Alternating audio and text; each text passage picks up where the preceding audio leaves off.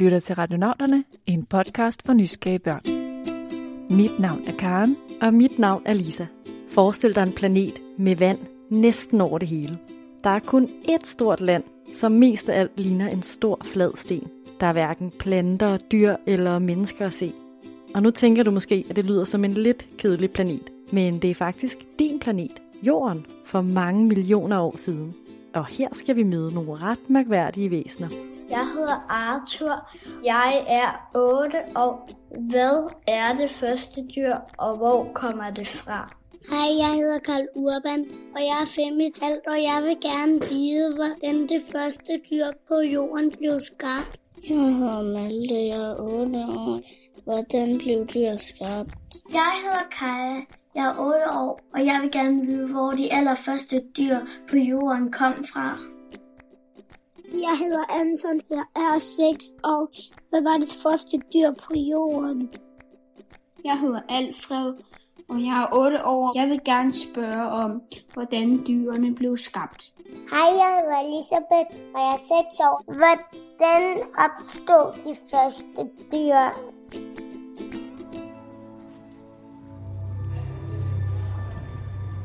Så kan man netop se, hvornår der var en masse uddøen, hvor dinosaurerne døde. Altså, så ved at hugge sig igennem sådan klippe, så kan man læse Fortiden. fortiden. Og det er jo så der, man også finder alle mulige fossiler inde i, jo længere ned man graver, jo mere man kigger igennem det. Man kan godt se, at der er nogle sorte ting, der måske kunne være interessant at grave lidt dybere i. Det her er Sam, og det han graver efter er viden om fortidens dyr og planter. Han er nemlig evolutionsbiolog. Han arbejder et sted, som er fyldt med forstenede knogler. Og det er altså knogler fra nogle virkelig seje dyr, nemlig fortidsdyr. Så vi er lige nu på Statens Naturhistoriske Museum her i København. Nu kan man høre, at vi står i vores dinosaurudstilling. så der er lidt dinosaurlyd rundt omkring os.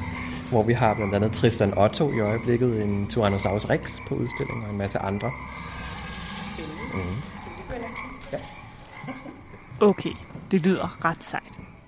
Så det er altså her mellem alle fortidsdyrene, at vi skal finde ud af, hvilket et, der var det første. Nemlig. Men det er lidt af et detektivarbejde, for vi skal så langt tilbage i tiden, at der slet ikke fandtes mennesker. Så der findes altså ikke nogen billeder af de allerførste dyr. Men til gengæld findes der sten. Øhm, så fossiler, jeg har et liggende her på bordet. Jeg har inde fra vores samlinger. Og man kan godt høre, at det er sådan, det er sten simpelthen, og det er, hvad det er. Så der er ligesom et eller andet dyr, eller en plante, eller en bakterie endda, der ligesom er dødt et eller andet sted, hvor det ikke er gået i forrådnelse. Og så er det på en eller anden tidspunkt ligesom blevet til sten.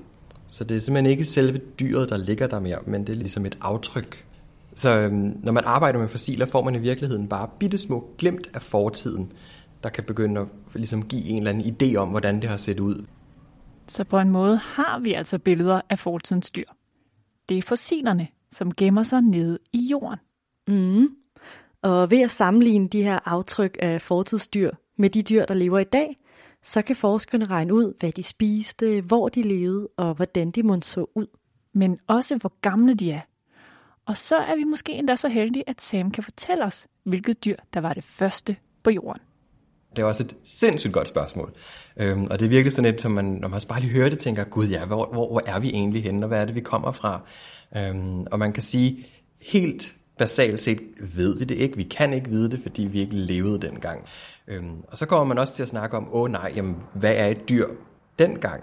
Inden dyret opstod, har der jo været noget, som man ikke rigtig kan placere. Så man ved ikke 100% egentlig, om det er et dyr, eller om det er en plante. Og man, det, det ligner ikke helt nogen af dem, også fordi man kun kender det fra fossiler. Det er altså vigtigt at blive enige om, hvad et dyr egentlig er, når vi skal finde ud af, hvad det allerførste dyr var. Sådan helt overordnet set, hvis man tænker på et dyr, så skal det jo være noget, der kan bevæge sig på et eller andet niveau, og det er noget, der skal have noget næring, så man er et dyr er nødt til at spise et eller andet. Og så vil du også være flercellet, altså have en krop, der er opdelt med noget, ligesom man kender på en hund. Der er en pote, og der er noget, der er en hale. Man kan se forskel på tingene. Okay, så man skal have en krop og kunne bevæge sig og spise mad. Så er man et dyr.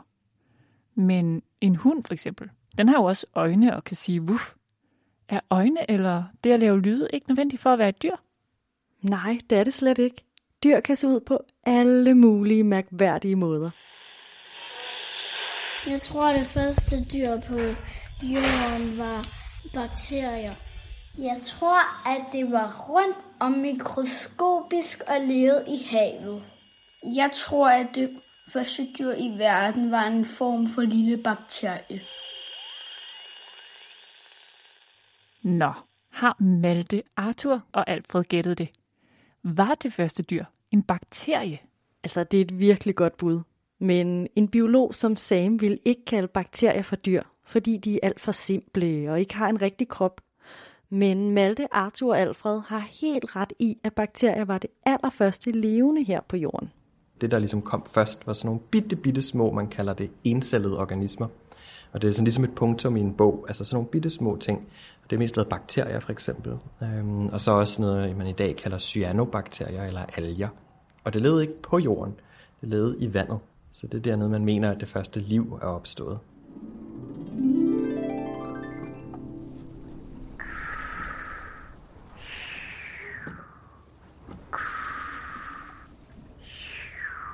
Hvorfor sidder vi i en båd, Lisa? Og hvorfor skal vi have de her store, mærkelige rumhjelme på? Hvad er det her for et sted? Vi er stadig på jorden, men for cirka 3,5 milliarder år siden. Og her er bare rigtig meget hav. Det er faktisk helt svært at se land. Og de her hjelme er vi nødt til at have på for at kunne trække vejret. Der er nemlig slet ikke nogen planter eller træer på planeten til at lave ilt, så vi kan trække vejret. Okay, så er det altså meget godt, vi har de her hjelme på. Men er der så overhovedet noget, der kan leve her? For eksempel nogle dyr? Nej, der er slet ikke nogen dyr endnu, og heller ikke mennesker. Men nede i vandet her, jeg kan lige prøve at tage en håndfuld op.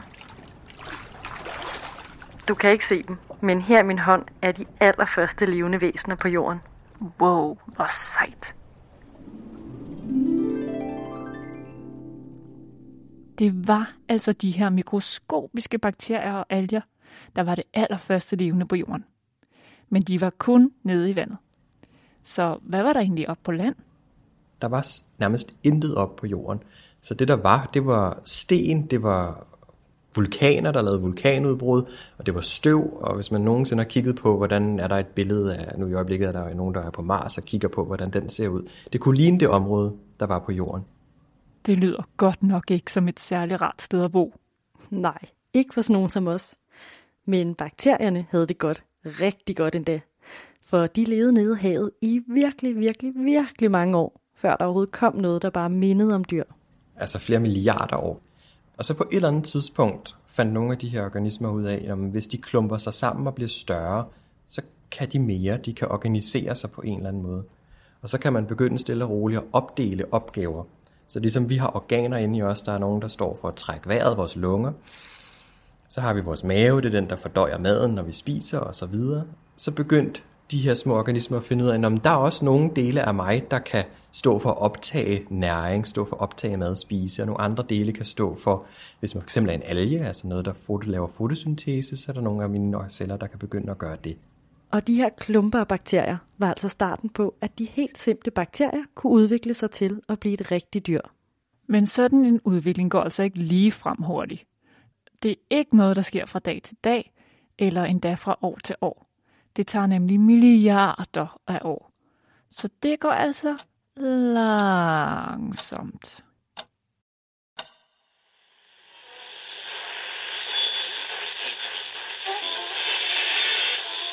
Jeg tror, at det første dyr på jorden lignede en frø med hale og næb. Jeg tror, det har en lang hale, skarpe klør og kroppe skarpe tænder på størrelse med en banan. Jeg tror altså ikke, jeg kan vente milliarder af år på at få at vide, hvad det første dyr var. Var det farligt? Havde det skarpe tænder, eller lignede det en frø? Nej, ingen delene. Det var en havsvamp. Og det har altså intet at gøre med de svampe, man finder ude i skoven. Havsvampe er et dyr, der lever under vandet. Men det har hverken øjne, skarpe tænder eller ben. Det ligner lidt en, en, en pølse, der sidder på en sten. Og så er den hul indeni, så det er sådan en, det, man også kalder en filterspiser. Så den filtrerer egentlig bare vandet. Den flytter sig ikke og jager Så de, de filtrerer bare for, hvad der ligesom kommer forbi dem, og så spiser det. Havsvampen ligner altså ikke umiddelbart et dyr, men det er den.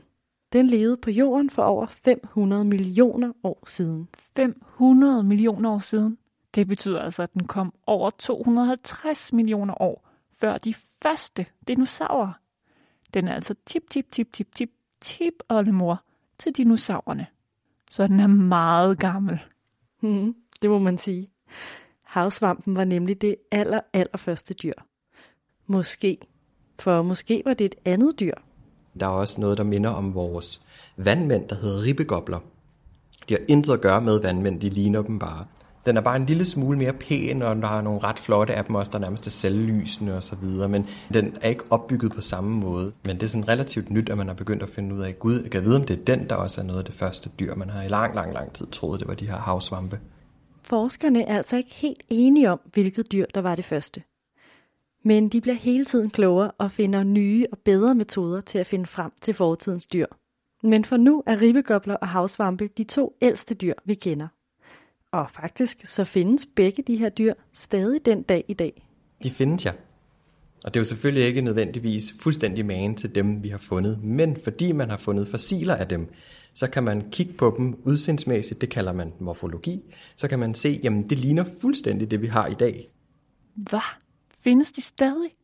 Det er jo helt vildt at tænke på, at en pølse, der sidder dernede på havets bund, og et blødt vandmandsdyr har kunne overleve i over 500 millioner år. Men nu er det tid til en udfordring. Kan du gætte, hvad det her er? Den er nok lidt svær, men jeg kan give en ledetråd. Det er noget, som nogen bruger, når de er i bad.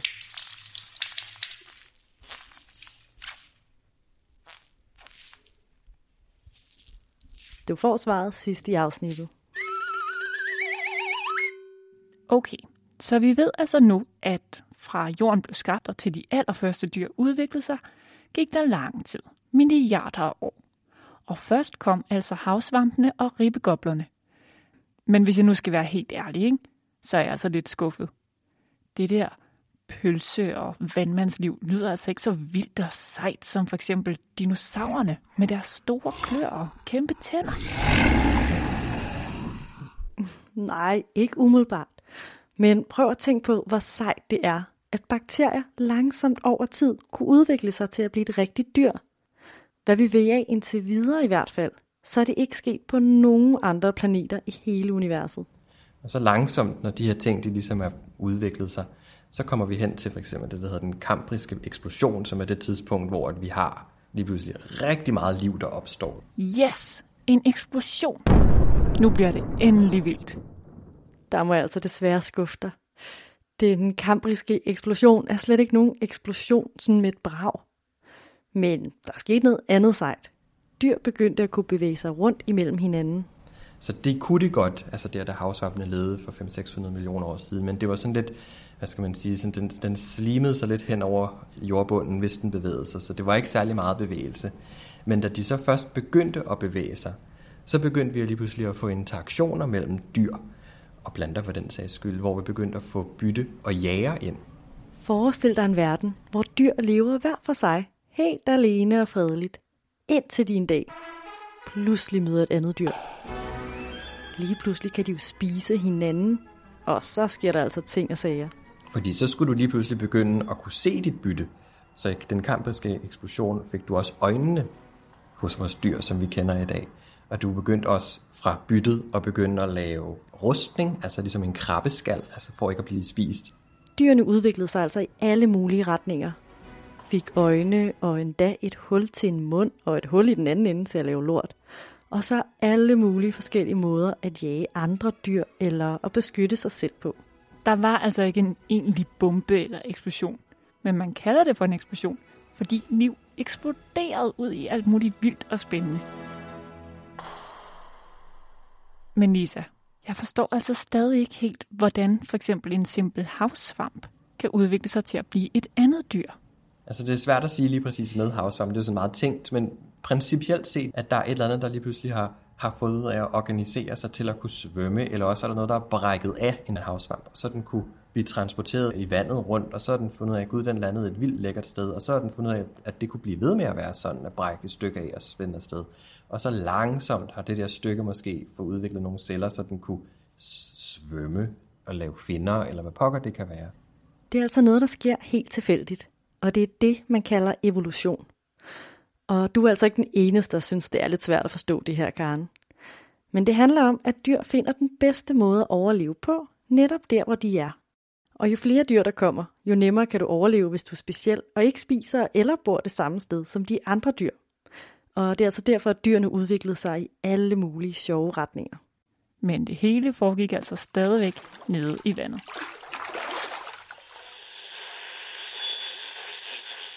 Jeg tror, at det allerførste dyr på jorden var en slags abe. Jeg tror, det var en slags dinosaur, der øhm, gik med fjerlag æg.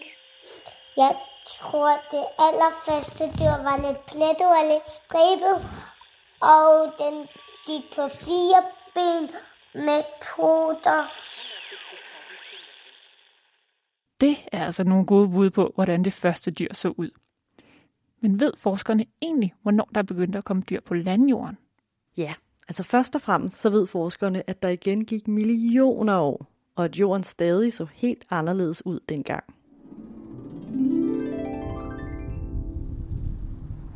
Nu kom vi endelig op på landjorden. Ej, hvor skønt. Her er blevet helt grønt. Men det er altså også den eneste farve, jeg kan se. Der er for eksempel ikke nogen blomster i en masse flotte farver. Nej, for blomsterne findes ikke endnu. Men har grøn mos, og prøv at komme med herned til strandkanten. Kan du se det grønne derovre? Mm, det ser sådan lidt øh, klistret ud. Mm, det er algesnæsk, og det er altså mega sejt. For nu er planterne kommet fra vand og op på land. Og de her planter, de er begyndt at lave ilt. Masser af ilt. Hov, hvad er det, der stikker hovedet op af vandet? Ej, den kommer herhen. Gud, ja, Karen. Og ved du hvad? Det der, det er nok det allerførste dyr, der nogensinde kom op på land. Ui, det er godt nok en underlig fisk. Den har skæld. Og så er den virkelig stor, næsten en meter. Og så har den en flad krop og et krokodilleagtigt hoved. Og så har den sådan nogle stærke finner, som den bevæger sig fremad med. Lidt ligesom en sæl. Hov, nu hoppede den ned i vandet igen. Det var godt nok et kort visit. Det her lidt spøjse dyr, det har altså også et spøjst navn. Tiktaalik hedder det. Først kom den bare på besøg op på landjorden, men dens børn og tip-tip-tip-tip oldebørn udviklede både lunger og rigtige ben. Og på den måde er den her underlige fisk grundlaget for alle dyr på land, selv os mennesker. Ej, det er så fantastisk, det der evolution. Tænk, at alt levende her på jorden stammer fra den fisk. Det må godt nok være mærkeligt dog, at have været det allerførste dyr, der flyttede op på landjorden. Godt, at der senere hen kom mange flere til. Nå, men Lisa, nu skal vi altså have afsløret, hvad det var, vi hørte i udfordringen. Ja, jeg ved ikke, om nogen havde gættet det, men det er lyden af en badesvamp. Sådan en naturlig gul en.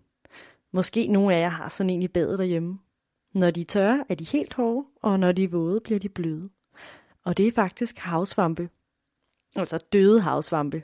Man kan nemlig bruge deres skelet som badesvamp. Ej, hvor skørt. Så kan man stå der i badet og skrubbe sig og tænke, det her er verdens første dyr, jeg står og skrubber mig med. Ja. Yeah.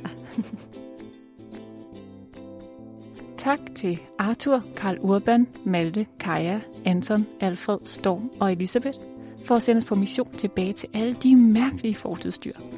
Og også et stort tak til Sam Brun Lund fra Statens Naturhistoriske Museum. Husk, at I altid kan finde os på vores hjemmeside, radnaron.dk, på Facebook og Instagram. Tak fordi I lyttede med.